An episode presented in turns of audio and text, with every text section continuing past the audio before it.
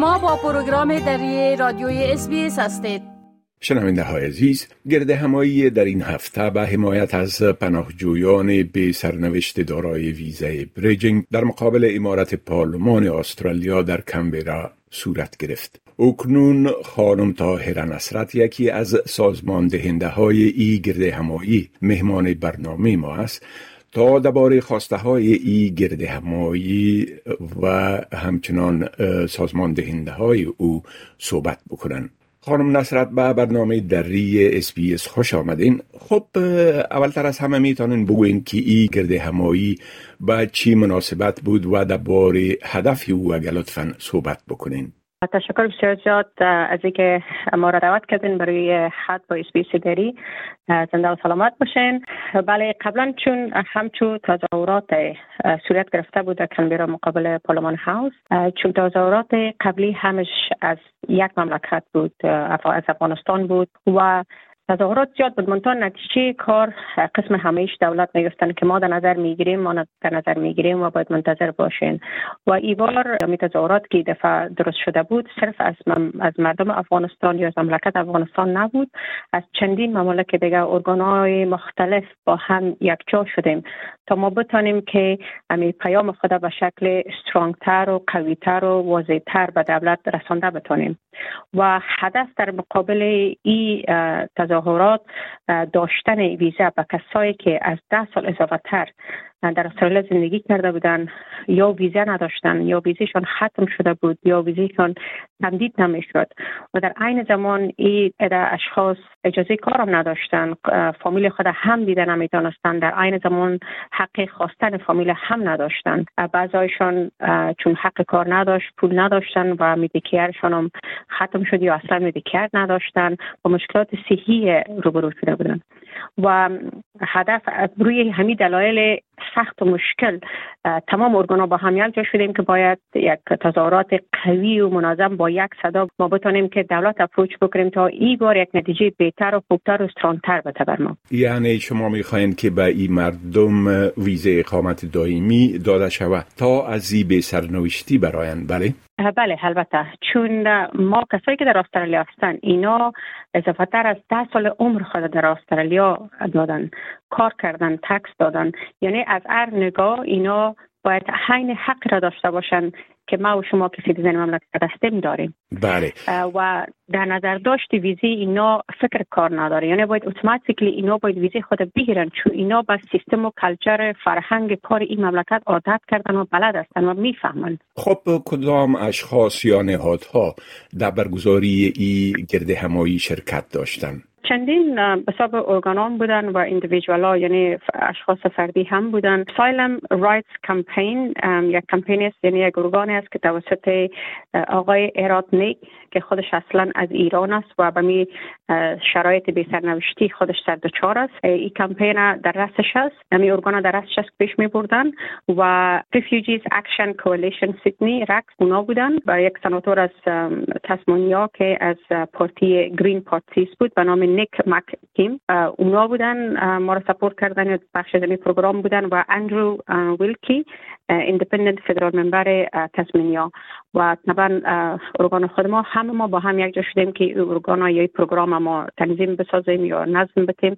بله. بتونیم صدر شود خب آیا با یکی از مقامات حکومت فدرالی هم دیدار کردین یا تقاضانامه را به حکومت تسلیم کردین؟ اگر جواب مثبت باشه چی پاسخی از اونا دریافت کردین؟ در عین روزی که تظاهرات وجود داشت امی پروگرام ما ساعت 11 بجه شروع کرده بودیم. چون در عین روز در پارلمان ساعت 12 بجه تمام پارلمان member ا خودشان میتینگ داشتن. و امی دو پارلمان member که مربوط دمی کار امرای ما کمک کرده و ما را support کرده بودن اونا خودشان شاهد حال و شاهد حال همروز تظاهرات بودن و خودشان گپ زدن و صدای تمام مردم شنید امروز شنیدن و تمام note ایی که داشتن نوشته کردن و در عین روز ساعت 12 بجه فکس اونا امی تظاهرات ترک کردن و داخل پارلمان شدن که امی message یا پیام بیرون از مردم اینا در میتینگ روی میز بگذارن. در عین روز بعد از چند ساعت minister immigration اندرو جایلز یک statement از طریق social media خود نشر کرده و گفتن که ما امی وعده هایی که دولت سابق بر مردم در استرالیا کرده بودن که تا هنوز اجرا کاری نشده ما کوشش می‌کنیم که امی هد مردمی که در تظاهرات بودن و ویزیشون از ده سال اضافه هستن و به سرنوشت هستن ما کوشش می‌کنیم که امی کارای اینا روی دست بسیار به شکل عاجل گرفته شود. و در گفتگوهای بعدی که به حساب ما داشتیم گفتن که کوشش می‌کنیم یعنی ام که ما بودن تا ختم سال یک نتیجه از کار بگیریم. یعنی برای از این مردم شما امیدوار هستین که ویزه اقامت دائمی به بله بله بله. کل هدف در قبال امی تظاهرات داشتن ویزی دائمی است. یعنی temporary protection چرا زمانی که مردم در مملکت میان به خاطر protection و safety protection temporary بودن نمی‌تونه یعنی permanent protection permanent residency باید نداشته باشن. بله. خب پلان آینده سازمان دهنده های ای کمپاین و کارزار چی است؟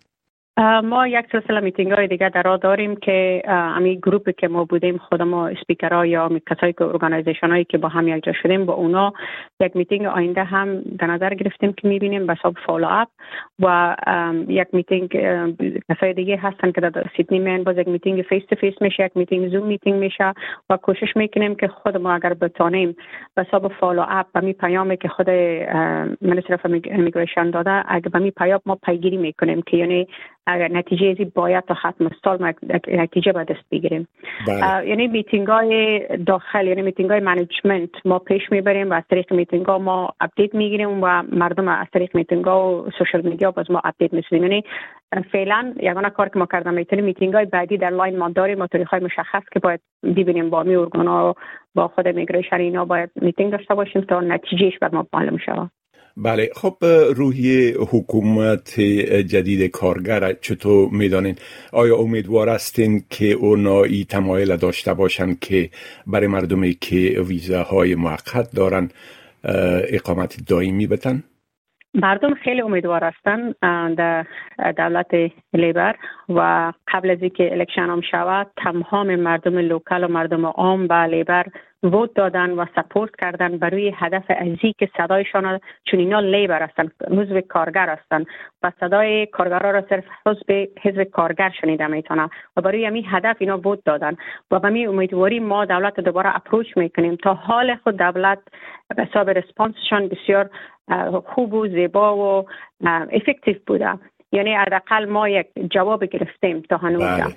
که جواب مثبت بوده. و به امید از هستیم که جوابایشان در قبالش عملات وجود داشته باشه و به می هدف ما همراهشان پلانای خود پیش می‌بریم که بتونیم یک نتیجه بگیریم. بله.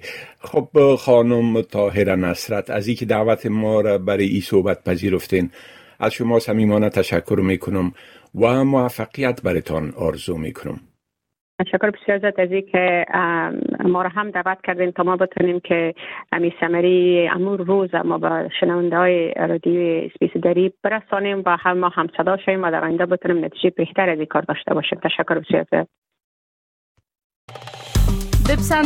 شریک سازید و نظر دهید. اسپیس دری را در فیسبوک تعقیب کنید.